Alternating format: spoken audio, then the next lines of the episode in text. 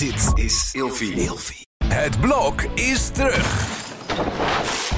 Vier koppels, vier bouwvallen, vier verbouwingen en dus een hele hoop stress. Het blok, iedere werkdag om half negen bij net vijf. Hannelore in je oren wordt mede mogelijk gemaakt door Emma Sleep. Van luxe matrassen tot wilderige beddengoedaccessoires. Elke ochtend fit wakker worden, omdat je er s'nachts fun en fabulous bij ligt. Krijg nu korting oplopend tot 50% en met nog eens 10% extra korting wanneer je mijn persoonlijke code gebruikt. Dat is Hannelore in hoofdletters gespeld. Klik op de link in de beschrijving van deze podcast. Droom bijvoorbeeld lekker weg op een Storage Deluxe Boxspring met een airgrid kussen en een vier seizoenen dekbed. Heerlijk toch? En dan nu de podcast. Nee is ook een antwoord. Een lesje grenzen stellen met Vrouwtje de Bot. Hannelore in je oren. Fit, fun, fabulous. Het klinkt zo grappig. Je zit nu al te lachen. Ja, ik vind het. Ja. Een overvolle agenda. Je rent eh, de benen uit je kont voor je familie, maar je komt nauwelijks toe aan tijd voor jezelf. Of jij bent altijd degene op je werk die met een nare klussen blijft zitten en s'avonds nog even dit en nog eventjes dat doet, terwijl de rest gewoon al thuis zit. En dan denk je bij jezelf: waarom kan ik toch zo moeilijk nee zeggen? Nou kreeg ik laatst een appje van iemand die graag met mij wilde samenwerken op social media. En diegene zei meteen: Nee is ook een antwoord hoor. Want volgens mij ben jij iemand die het liefst tegen iedereen altijd ja zegt. En toen moest ik gniffelen. Ik dacht meteen: Oei, dat is wel waar. Is het zo duidelijk? Ik kan zelf dus zeker een lesje nee zeggen gebruiken. En ook grenzen stellen moet ik ook leren. En daarvoor heb ik weer niemand minder dan Vrouwtje de Bot gevraagd. Welkom weer, Vrouwtje. ja, dankjewel. Leuk dat ik er weer mag zijn. Vorige keer hadden we het over eh, perfectionisme en de angst om fouten te maken. Deze keer bespreken we het stellen van grenzen. Want ja, veel mensen kunnen volgens mij best wat assertiever zijn. Heb jij dat zelf nou ook moeten leren? Zeker, zeker. Ja, ik zei vorige keer al toen ik hier te gast was, uh, geen enkel thema is mij vreemd. ik heb overal mee te maken gehad en nog steeds. Hè, dit, uh, ook het trainen van uh, je grenzen aangeven, van nee zeggen. dat is iets wat je moet trainen bij jezelf elke dag. En soms loop je nog steeds tegen dingen aan dat je denkt, ja, nee, dat had ik even anders moeten aanpakken. Ik merk dat ik uh, snel geïrriteerd ben, of dat ik een beetje bozig voel, of dat ik moe ben, of dat mijn schouders vastzitten. En dat kunnen allemaal signalen zijn van dat je over je grenzen heen bent gegaan. Je eigen grenzen, of uh, dingen, mensen die uh, uh, verwachtingen die anderen van je hebben, of je eigen verwachtingen. Dat kan ook. Dus dat vertaalt zich in een soort van fysiek ongemak. Vaak wel. Ja, want als je, dan, uh, als je dan aan mij zou vragen, waaraan herken je dan dat je dat doet? Hè? Uh, dat je niet goed je grenzen aan kan geven. Ja, dan let goed op, op lichamelijke dingen. Zoals bijvoorbeeld vastzitten van je, van je nek, van je schouders. Je bent snel moe. Ja, wat ik soms heb is dan voel ik me gewoon een beetje... Het klinkt nu heel grappig als ik zo een beetje huilerig, weet je wel. Ja, beetje, ja. Dat je voelt, je hebt continu een, een brok in je keel. Ja, dat, oh, dat herken ik heel erg hoor. Ja, dat is zo'n naar gevoel. Dan denk ik, als iemand nu iets liefs of iets heel naars tegen me zegt, dan, dan barst ik in, uh, in tranen uit. Ja, en vaak is dat toch een teken van dat je over je grenzen al heen bent gegaan of over je grenzen aan het gaan bent. En, en ben je dan te moe of ben je dan te emotioneel? Wat, wel, hoe, um, welke grens is er dan overgegaan? Nou ja, maar? misschien heb je inderdaad, want jij zegt van ik doe heel vaak dingen voor anderen die ik dan zelf doe. Of dan durf ik geen nee te zeggen of vind ik lastig om nee te zeggen. En dan doe ik eigenlijk veel meer dan ik, uh, um, dan ik wil. Um, en dat kan natuurlijk op je werk zijn, dat je al heel lang over je grenzen heen aan het gaan bent. Maar het Ja, kan ook in je privéleven. In mijn werk een soort duizend dingen doekje van oh, uh, Hannelore die valt wel in. Oh, Hannelore lost het wel op. Oh, Ja. Hannelore doet het wel even. En dan denk ik, ja, hela hola. Ja, Maar ik Maar- zeg het niet. maar je doet het zelf. Ja, het is mijn eigen schuld. Je doet, nou ja, het- het- ik, ik praat nooit in, in termen van schuld, maar je doet het wel zelf. Want jij geeft zelf je grenzen niet duidelijk aan naar jezelf en naar anderen toe. En ehm, ja, dus één signaal daarvan kan zijn van eh, je, je voelt jezelf zenuwachtig of eh, je voelt je geïrriteerd of je bent moe. Dat kunnen allemaal signalen zijn. Maar wat ook een signaal zijn, eh, heel veel mensen als je aan ze vraagt wat vind jij nou eigenlijk belangrijk voor jezelf? Mensen hebben geen idee. Weet ik eigenlijk niet wat ik maar belangrijk vind.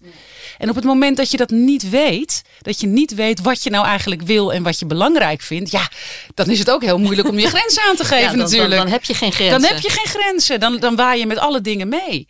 Met alle, met alle winden waai je dan mee. Wat andere mensen van je willen en wat andere mensen van je vragen. Dus dat zijn twee hele belangrijke signalen. Wat voel je? Eh, wat merk je aan jezelf? Maar ook, ja, weet ik eigenlijk zelf wel wat mijn grenzen zijn? Weet ik eigenlijk zelf wel wat ik belangrijk vind?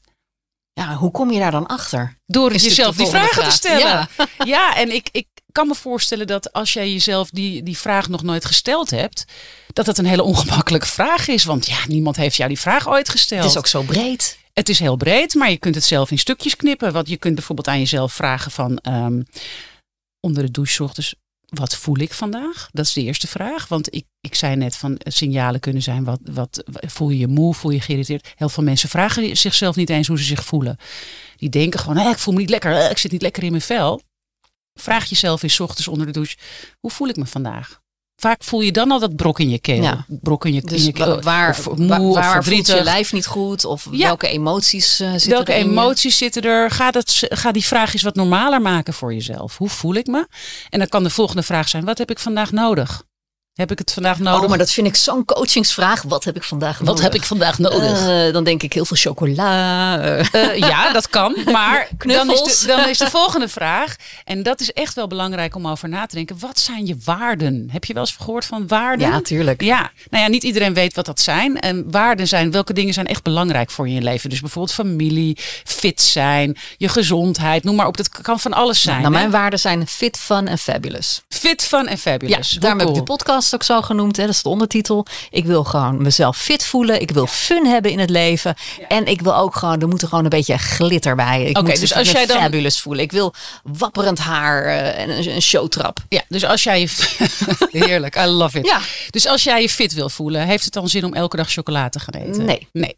Dus dat weet je al. Is het eh, verstandig om chocolade te gaan Nee, eten? is niet verstandig. Is het fun om chocolade te Ja, eten? super veel fun. Ook dat valt in jouw waarde. Dus ja, wat moet ik dan doen? Moet ik dan wel Ja. of niet chocola gaan eten?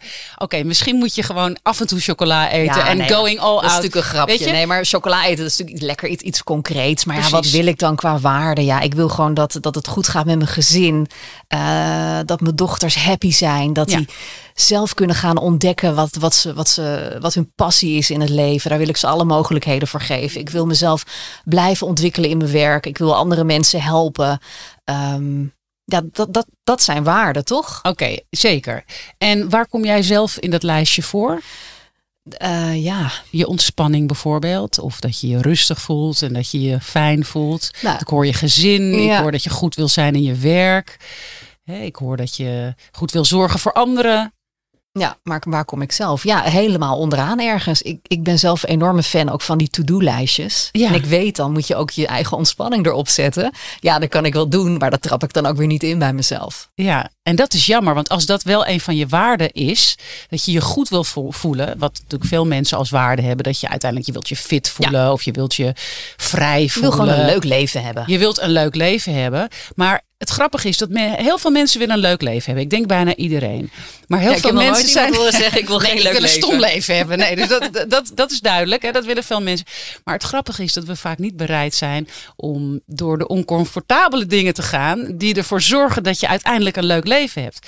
Je kunt niet een leuk leven willen en eh, er is geen quick fix naar een leuk leven. Je zult dingen moeten doen die oncomfortabel zijn, zoals nee zeggen bijvoorbeeld, zoals je grenzen stellen, zoals zeggen van hey, eh, ik vind het belangrijk om me fijn en fit te voelen. Nou, dan is het dus ook belangrijk om bepaalde tijd voor mezelf in te ruimen, waarin ik mezelf ook belangrijk maak. Dat is dan in lijn met je waarden. En daarom, ehm, eh, jij zegt het is een typische coachingsvraag, wat heb je nodig? Klopt, dat is niet voor niks zo. Want heel veel mensen stellen zichzelf die vraag niet. En het kan ook bijvoorbeeld zijn, wat heb je nodig? Jij zegt nu chocola. Nou, dat is, dat, dat is een grappig en een leuk antwoord. En dat kunnen we allemaal wat mee. Uh, maar wat heb je nodig kan bijvoorbeeld ook zijn. Ik heb het nodig om uh, gewoon een beetje relaxed te zijn voor mezelf vandaag. En mezelf niet al te hoge eisen te stellen. We zijn zo streng vaak voor onszelf. Mijn eerste antwoord is eigenlijk rust. Ja. Ik heb nu rust nodig. Ik heb even tijd nodig om een beetje te reflecteren. Om te kijken wat ik inderdaad wil. Hoe mooi. Hoe mooi. Ja, maar Ja, niet eerst- zo handig. Want waarom Als je een volle handig? agenda hebt. Ja, Ja. dus dat Dus betekent dat je nee- keuzes moet maken en nee moet ik nee zeggen. gaan zeggen. Hoe kan je nou nee zeggen tegen bijvoorbeeld eh, eh, een werksituatie of tegen familie, zonder nou over te komen als een enorme bitch? Door ehm, een, aantal, een aantal dingen kun je doen. Het allerbelangrijkste is, en daar hebben we het net al over gehad, bedenken waarom. Waarom wil ik nee zeggen? Als je jouw waarom niet helder hebt, is het super moeilijk om nee te zeggen. Want als iemand iets aan jou vraagt, wat eigenlijk te veel van je vergt, je weet het kost me uiteindelijk alleen maar energie, en jij weet niet goed waarom, ja, nou ja, ja waarom, waarom zeg ik ook eigenlijk maar, nee? ik moet maar gewoon ja zeggen, doe maar. Dan waai je dus weer met die wind mee. Ik moet ook eigenlijk maar gewoon aardig zijn tegen he- hem of haar. Ik zou ook eigenlijk wel eh, mijn moeder weer voor de honderdste keer moeten helpen. Ik zou ook eigenlijk maar dit moeten doen. Weet je wel, dan, dan heb je niet echt je waarom. Maar jij hebt nu heel duidelijk, jouw waarom is, ik wil eigenlijk meer rust voor mezelf. Als je dat een waarde maakt, als je dat een duidelijke reden maakt, dan is het ook makkelijker om nee te zeggen. Dus je waarom is heel belangrijk. Die ga je pinpointen als Ja. eerste. Waarom wil ik eh, nee zeggen? Waarom wil ik mijn grens aangeven? is heel belangrijk. En dan als tweede, als iemand iets aan je vraagt, ehm, neem je tijd. Je hoeft niet altijd meteen te antwoorden. We hebben vaak zo'n reflexreactie. Mensen die sturen een appje. Oh, ik moet meteen reageren, want anders worden ze boos. Anders vinden ze dit, anders vinden ze dat. Anders vinden ze een trut. Anders vinden ze... Och, meteen, oh, ja hoor, ik doe het wel. Of, ja, maar ik, ik, ik, ik kom wel naar dat feestje. Of neem eens even je tijd om rustig na te denken of je eigenlijk wel echt naar dat feestje wilt. Of je eigenlijk wel echt kunt helpen. Ja, of maar dat... hoe, hoe doe je dat dan? Want die ander heeft die blauwe vinkjes al gezien en die denkt, we zijn antwoord niet. Ja, en het grappige is dat we, en dat is, is ook een van de dingen die je in je achterhoofd moet houden. Je kunt beslissingen nemen of nee zeggen en je schuldig voelen. Ja.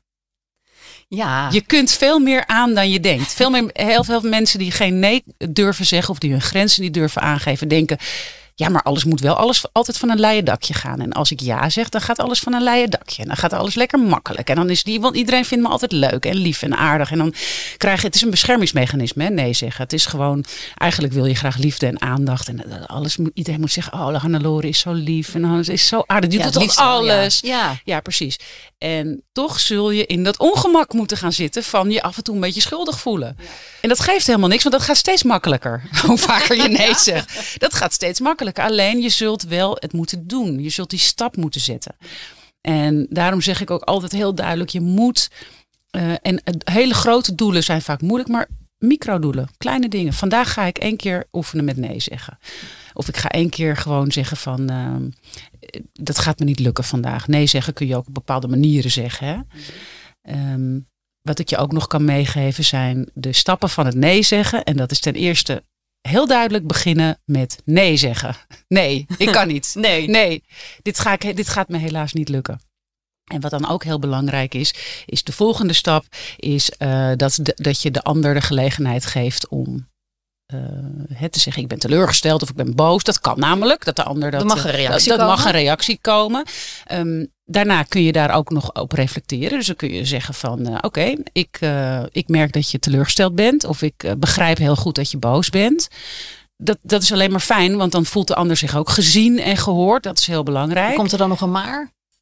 Wat je zou kunnen doen is een oplossing. Meedenken naar een oplossing of een alternatief. Dat zou kunnen. Het hoeft niet. Overigens, een reden voor het nee zeggen mag, maar hoeft niet. Je hoeft helemaal geen reden te geven voor nee zeggen. Dat is eigenlijk alleen nog maar ook een klein- beetje meer pleasen. Ja, ja. Dus een reden hoeft niet, mag wel. Dat is dan de tweede stap. Reflecte- Reflecteren is dan de derde stap. Hè, van ik hoor dat je teleurgesteld bent. Ik merk dat je boos bent. Hè, dan voelt de ander zich ook gezien. En dan, is, ehm, eh, dan zou een, een tussenstap ook nog kunnen zijn meedenken met een alternatief of een oplossing. Dat zou kunnen. Hoeft ook niet per se. Hè. Is ook, eh, maar dat, dat is wel aardig. ja dat zou je kunnen doen. Van, ik, ga het niet redden, maar misschien kun je die of die vragen. Ja. Bijvoorbeeld. Of, Precies. Maar, eh, of misschien zou je dit of dit kunnen doen. Ja. Ja. volgende maand kan het wel. Of eh, dat weet je nog niet. Hè. Zou ik ook niet toezeggen nu oh, nee, al. goeie, ja. Ehm, zit er meteen een te bedenken. de la- allerbelangrijkste laatste stap is als iemand door blijft drammen of als iemand blijft aanhouden, daar weer op reflecteren. Zeggen van, ik, ik merk dat je heel erg aan blijft houden of dat je door blijft drammen. En ik merk dat ik dat niet zo fijn vind. Want mijn antwoord is nee. Dat is heel Dat is heel, heel krachtig. Dat is heel krachtig.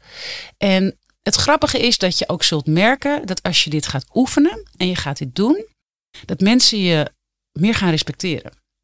Dat mensen meer, uh, dat je op een andere manier, dat mensen je op een andere manier gaan zien. Want ook door niet je, uh, volgens mij wilde jij het ook nog hebben over de helper en de redder. ja, daar, komen we, daar komen we ook nog op. Ja. Dat heeft daarmee te maken.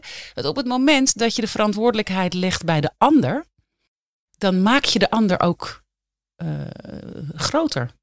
Je maakt de ander, dat zal ik je zo meteen uitleggen hoe dat werkt. Maar dan, dan... Nou, laten we daar meteen naartoe gaan. Ja, nou, nou, wil ik het weten ook. Ja, dat snap ik. Ik zag het inderdaad op jouw Instagram. Dan had je een filmpje geplaatst over uh, de helper versus de, de redder. En waarom het ene wel goed is en het ander niet. En bij wie je de kracht legt. Vertel. Nou ja, de helper versus de redder, dat is een. Um, uh, kijk, ik begin eventjes met de redder. Want de redder is een dynamiek die je vaak kunt hebben met iemand anders. Uh, waar je um, ongevraagd hulp geeft.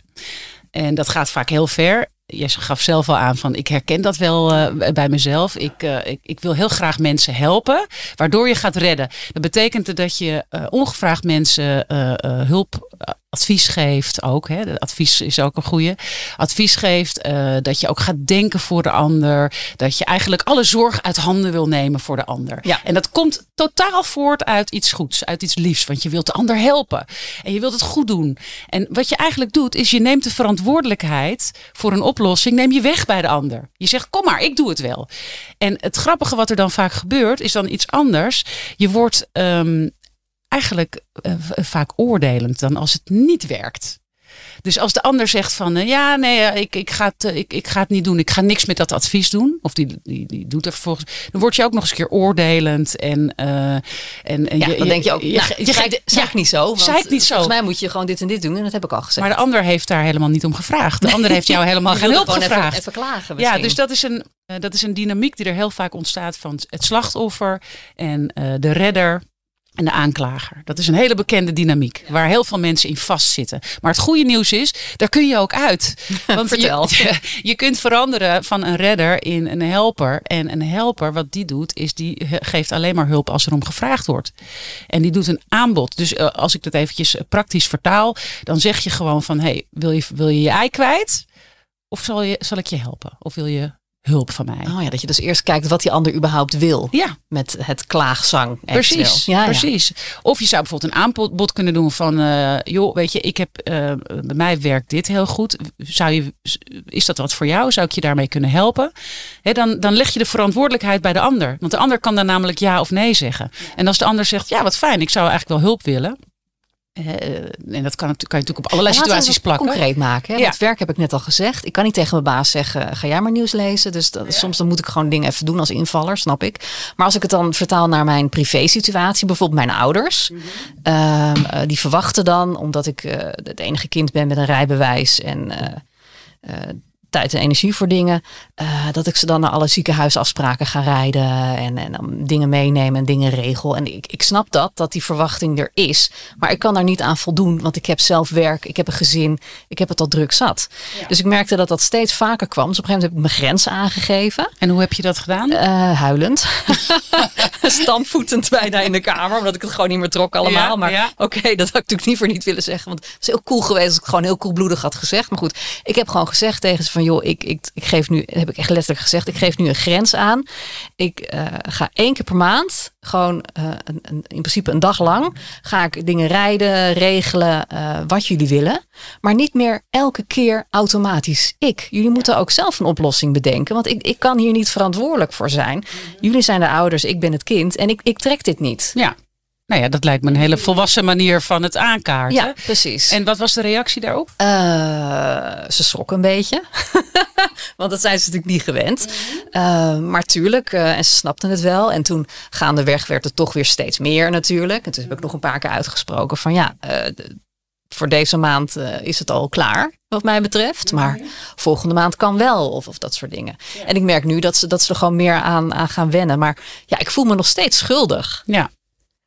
Want dan moeten ze weer met een regiotaxi of dit of dat. En dan denk ik, ja, maar ja. En dat dan... geeft niet dat je je schuldig voelt. Dat mag er ook zijn. Je kunt je schuldig voelen en voor jezelf kiezen. En dat is niet egoïstisch. Sterker nog, je hebt je ouders alleen maar, ja, ik, ik gebruik even het hele populaire Amerikaanse woord, empowered. Ja, want ik vind het zo'n lekker woord.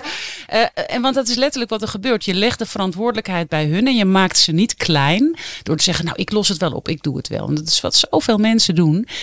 Kost je energie, aan het eind van de dag ben je, eh, als je daar dat heel lang doorgaat, dan kun je zelfs burned out Oh, raken. Ja. Ja. Hè? Eh, ehm, en uiteindelijk ehm, neem je dus de, de, de kracht en de power weg bij de ander. Dus eh, degene die eerst het slachtoffer was, die wordt vervolgens, als jij de helper wordt in plaats van de redder, die wordt vervolgens proactief. Dus die vraagt hulp, die eh, neemt verantwoordelijkheid voor zijn eigen situatie. Die kiest voor veranderen, accepteren, weggaan. Die, die kan keuzes maken, die kan bewuste keuzes maken. Dus je, je doet eigenlijk uiteindelijk de ander een plezier daarmee. Maar op het moment zelf. Maar op het moment zelf is het lastig. Heel ongemakkelijk. Maar het grappige is, en dat zeg ik ook altijd in coaching, we kunnen echt veel meer aan dan we denken. Want we denken vaak, als ik dat doe, dan voel ik me schuldig. Ja, so what? We voelen ons soms schuldig in het leven als we goede beslissingen moeten nemen voor onszelf, die voor onszelf belangrijk zijn. Dus het geeft niet dat je af en toe on oncomfortabele Bij je ouders hebt. kan je dat doen. Want je houdt van je ouders en zij houden van jou. Dus dat is een redelijk veilige eh, manier nog hè, om dat een keer goed te testen. Dat- kom met dat een situatie waarbij je het niet kan doen aan de loren. Daag me uit. Nee, qua werk. Ik vind dat dus heel lastig. Ik bedoel, ik, ik ben dan nu dan gevraagd eh, de- de- om iets te gaan doen bij een bepaalde zender. En eh, ik zit er heel erg over te twijfelen of mij dat wel gaat dienen. Of ik daar wel mee verder mee kom. Of ik daar echt oprecht blij van word. Maar ik, ik, had, ik zat er een beetje over te discussiëren met degene die dat had gevraagd. En die zei, ja eigenlijk gaat de baas er al vanuit dat je de maandag gewoon zit hoor. Ik bedoel, dat is eigenlijk niet eens een issue. En toen dacht ik echt, hè? Maar hoe kan ik dat nou aangeven dat het, dat het niet een soort automatisme is dat ik dan dus ja zeg? Ja, nou ja, dus eerst bij jezelf duidelijk te hebben wat je wilt. En dat kan dus eh, zijn door jezelf die vraag te stellen van wat zijn mijn waarden, wat vind ik belangrijk, waarom wil ik iets wel of niet doen. Hè? Daar, kun je, ehm, daar kun je jezelf op coachen. Maar Dat ik ben is- bang dat ik dan mijn eigen ruiten ingooi. Dat ze dan zeggen, ja, maar dan hoef je helemaal niet meer. En dan kun je je ook weer afvragen, wat is het pad wat je wil bewandelen? Wat, wat, wat is belangrijk voor mij? Waar wil ik uiteindelijk naartoe? En ik snap dat daar soms dilemma's in zitten. Hè. Daarom doe ik vaak in coaching bijvoorbeeld een dilemma-oefening. Dan gaan lopen we het ene pad en dan lopen we het andere pad. En dan kijk je wat dat je oplevert. Maar dat zou je thuis ook kunnen doen. Loop eens het pad van het eh, wel kiezen voor de baan. En loop het pad van het ik kies voor een andere baan. Ik kies voor iets anders. Daar kun je iets anders tegenover stellen. Eh, Hoe, hoe voelt dat over een jaar, over vijf jaar? Hoe voel je je dan? En dat is heel belangrijk. En ik wil nog even terugkomen over, op het eh, gesprek wat je kan voeren met je baas of met wie dan ook eigenlijk. Verantwoordelijkheid nemen voor jezelf, daar eh, zit ook dat eerlijke gesprek vaak in. Nou, daar zouden we een hele podcastaflevering aan kunnen wijden. Want heel veel mensen vinden dat gesprek aangaan heel moeilijk. Ja, tuurlijk. Ja, en dat snap ik heel goed, want dat is ook heel spannend. Ehm, maar je kunt eigenlijk nooit misgaan als je het heel erg houdt bij eh, je eigen gevoel in plaats van ehm, benoemen, eh, benoemen wat er gebeurt is belangrijk, maar de ander de schuld geven van dingen. En dat is wat er heel vaak misgaat in, in, in, eh, in gesprekken, is dat je de ander de schuld geeft van. Jij doet dit. Jij doet altijd dat. Dus in plaats van woorden als jij doet, of zinnetjes als jij doet dit. Ik voel dat als, als dit er gebeurt, dan merk ik dat ik me heel klein voel. Of dan merk ik dat ik me alleen voel. Of dat ik me rot voel. Dat is heel belangrijk om dat continu te spiegelen eigenlijk. En dan kan een ander, dan, dan maak je een ander. Die heeft automatisch al meer compassie met jou. En dat is zo'n andere ingang dan beschuldigd worden van iets. En zo kun je dus eigenlijk altijd heel fijn een gesprek aangaan. Als je eh, compassie bij de ander creëert, dan kun je ook veel makkelijker zeggen van het is mijn bedoeling om een hele fijne werkrelatie te hebben. En ik merk gewoon in het dagelijks leven dat dat hierdoor belemmerd wordt. Want ik voel me heel vaak klein als je dit soort dingen zegt. En, maar ik wil heel graag een fijne werkrelatie. Dus ik wil je eigenlijk het verzoek doen om dit en dat en dat te doen. Weet je wel, dan komt het wel heel anders over dan als je een ander beschuldigt en zegt van eh, jij doet dit of jij doet altijd dat. Ja, dat, dat, dat is ook heel heftig als iemand dat tegen je zegt. Dat lokt ook meteen een reactie uit. Ja, dus houd heel erg bij je, bij je eigen gevoel. Zo ga je zo'n gesprek aan. Ja, als je het bij je, bij je eigen gevoel houdt en heel belangrijk ruimte ook laat van hoe is dat voor jou? Hoe is dat voor jou? Hoe zie jij het? Dus in het gesprek met je ouders, als we het weer even terugpakken naar hoe dat gesprek was, dan, dan zou je bijvoorbeeld aan je ouders kunnen vragen van hoe is dat voor jullie? Nou, dan, dan kan het misschien zijn dat je ouders zeggen van nou, ik, snap, ik begrijp wel dat je dat zegt of ik voel dat ook wel. Als je het op die manier insteekt, dan geef je de mensen ruimte om na te denken over hoe die situatie nou eigenlijk voor hun is. Heel veel mensen denken er niet eens over na, joh. Nee. Ze zijn niet eens met jou bezig. Die denken alleen ik vraag dat gewoon, punt. Of zo, ik zeg maar wat, hè. Dus ehm, ruimte voor elkaar in een gesprek biedt zoveel meer ingangen en zoveel meer compassie. En ehm, ja, kan hele andere resultaten opleveren. Wanneer kan een nee nou toch een ja worden? Stel, ik geef heel duidelijk mijn grenzen aan en ik zeg dus nee. Ja. Zijn er voorwaarden dat het toch een ja kan worden? Als in, ehm, wanneer ga je te ver met grenzen stellen of nee zeggen? Kan je te ver gaan? Ehm, als je, eh, ik moet even, eh, noem eens een voorbeeld hiervan. Nou, bijvoorbeeld dat ik dan zeg tegen mijn ouders, ehm, eh, ik doe dat nog één keer per maand. En dat ik dan hoor van ze, oh, we hebben dit en we hebben dat. En toen moesten we dit regelen en dat regelen. En dat, dat het gewoon enorm veel energie bij hun kost. En dat ik gewoon voel dat ik me gewoon blijvend ongemakkelijk voel daardoor. Dat ik daar ook weer last van heb. Oh, jij probeert een achteruitgang te creëren. je wil een nooduitgang. Nee, maar kijk, want, hè, je, je zegt nee omdat je merkt dat je fysieke ongemakken Ja. krijgt. Gewoon interne onrust. Hè, omdat je iets, iets moet doen wat je niet wil doen. En vervolgens doe je het niet. Maar dat is, wordt, kan ook weer zo ongemakkelijk worden. Nou ja, kijk, het wordt een ander verhaal als jouw ouders, eh, als blijkt dat jouw ouders eh, bijvoorbeeld ergens onder lijden. Of als, het, hè, als, als er iets, een situatie ontstaat dat ze afhankelijk zijn van jou. Kijk, dan kan het ook weer een waarde van jou zijn. Van ik vind familie heel belangrijk. Ik vind het belangrijk om eh, te zorgen voor eh, de- hè, dat mensen om me heen eh, eh, het goed. Kijk, als, als, als er geen andere mogelijkheden zijn, dan kan ik me voorstellen dat je zegt van nou, onder bepaalde omstandigheden wil ik het wel doen. Maar ook dit kun je dan bespreken. Kijk, dan, dan kan een nee een ja worden. Maar ik denk dat het altijd heel belangrijk is om af te wegen van waarom wordt het een ja? Waarom is iets een nee en waarom wordt iets een ja? En die waarden zijn daarin wel heel belangrijk.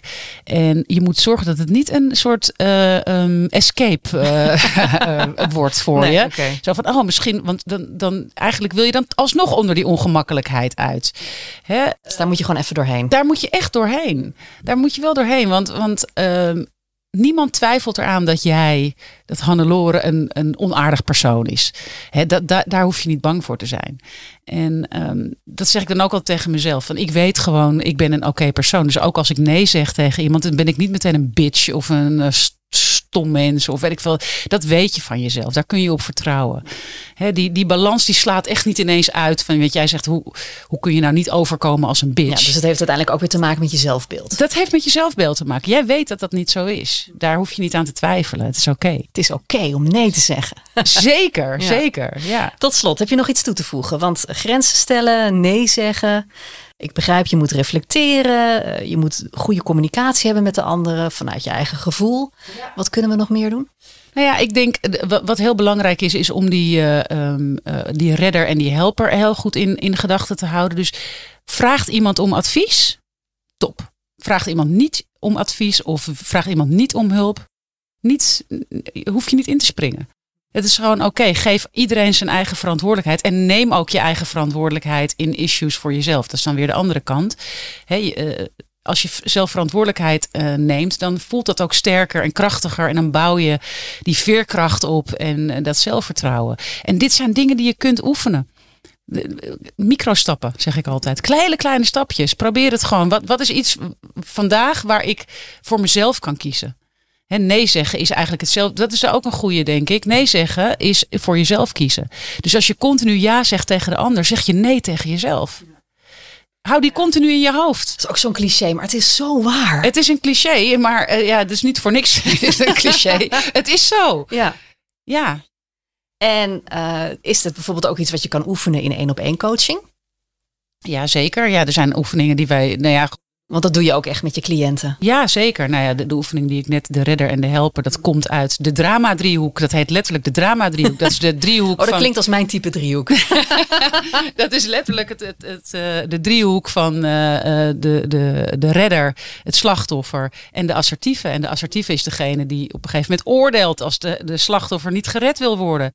Ja, ja ik, ik heb al zo vaak gezegd dat je het zo moet doen en je doet het maar steeds niet. En ik vind het belachelijk. En nou, weet je wat? Nou, dan moet je het zelf maar weten. Prima. Hè, dat is ook een. een uh, dat zit, zit je ook in de drama driehoek als je dat, uh, als je dat zo zegt. Dus hè, dat zijn hele belangrijke dynamieken die, uh, nou ja, die we zeker oefenen in coaching. En het dilemmapad loop ik vaak met mensen. Dilemmapad is ook heel belangrijk. Ja, ik doe dat zelf wel eens. Want dan uh, ga ik in mijn bed liggen en dan echt handen op mijn buik. En denk ik, oké, als ik nu deze beslissing neem, hoe voelt dit? Ja. Dan ga ik het helemaal doorvoelen en kijken wat er kan gebeuren. Maar als ik nu dat doe, hoe voelt dat? Supergoed. Dat helpt mij altijd bij belangrijke beslissingen qua banen, huizen, dat soort dingen. Ja, supergoed. En ik, ik denk ook dat het heel goed is dat je op gevoelsbasis dat soort beslissingen neemt. Want heel veel mensen, en dat herken ik ook wel bij mezelf, denken, proberen ergens zichzelf uit te denken. En het gevoel is zo belangrijk en het is vaak iets wat we niet meer gewend zijn om aan te spreken. Hoe voelt het als ik dit doe? Voelt het fijn? Da da daarin kun je ook aan uh, kijken of je over je grens gaat, ja of nee. Hoe voelt dit? Ik voel me geïrriteerd, ik voel me moe, ik voel me huilerig, ik voel me. Nou, dan ga je waarschijnlijk over je grens zijn. Dan is er waarschijnlijk iets wat je zou kunnen veranderen, wat niet zeg maar in lijn ligt met je waarden. Of, uh... ja, voortaan ga ik aan jou denken onder de douche. Ja, ik weet niet of dit klinkt gek, maar ja. ik snap wat je bedoelt. Ja, hoe voel ik hoe me voel nu? ik me? Ja, wat dat. heb ik nodig? Ja, precies, wat heb ik nodig? Nou, en een belangrijke laatste vraag, waar word ik blij van? ja, dat is ook een hele belangrijke. Ja, waar word ik blij van? Wat kan ik vandaag voor mezelf doen waar ik blij van word? Waar kunnen we terecht voor meer informatie over jouw coachings? Ja, op mijn uh, site vrouwtjedebot.nl. Ik geef heel veel praktische tips en tools voor een leuker leven op mijn Instagram. Dus daar kun je ook altijd op kijken. En uh, ik heb een hele toffe mini-course, een mini-cursus die... Uh, ja, dan kun je echt met jou wakker worden. Hè, je echt dag. met mij kunt wakker worden. ik stuur je elke dag een video. Het is heel laagdrempelig. Het, het is niet geen dure cursus. Het is voor iedereen toegankelijk. En meer verbinding met jezelf in zeven dagen heet die cursus. En te zien allemaal op mijn site. Dankjewel. Alsjeblieft. En jij bedankt voor het luisteren. Ik hoop dat we met z'n allen onszelf wat vaker op nummer 1 zetten. En dat we onze eigen grenzen gaan stellen en uh, ook die respecteren. En ook die van anderen wat meer gaan respecteren. Laat me weten wat je van deze podcast vindt. Bijvoorbeeld uh, door een sterrenwaardering te geven op Spotify. Dat duurt echt twee tellen of zo. Of uh, stuur een berichtje via Instagram of tag me in een story. Zodat ik dat weer kan laten zien aan anderen. Zodat hopelijk nog meer mensen gaan luisteren. Waardoor nog meer mensen leren om nee te zeggen. Dankjewel. Tot volgende week. Nee, nee, nee! nee!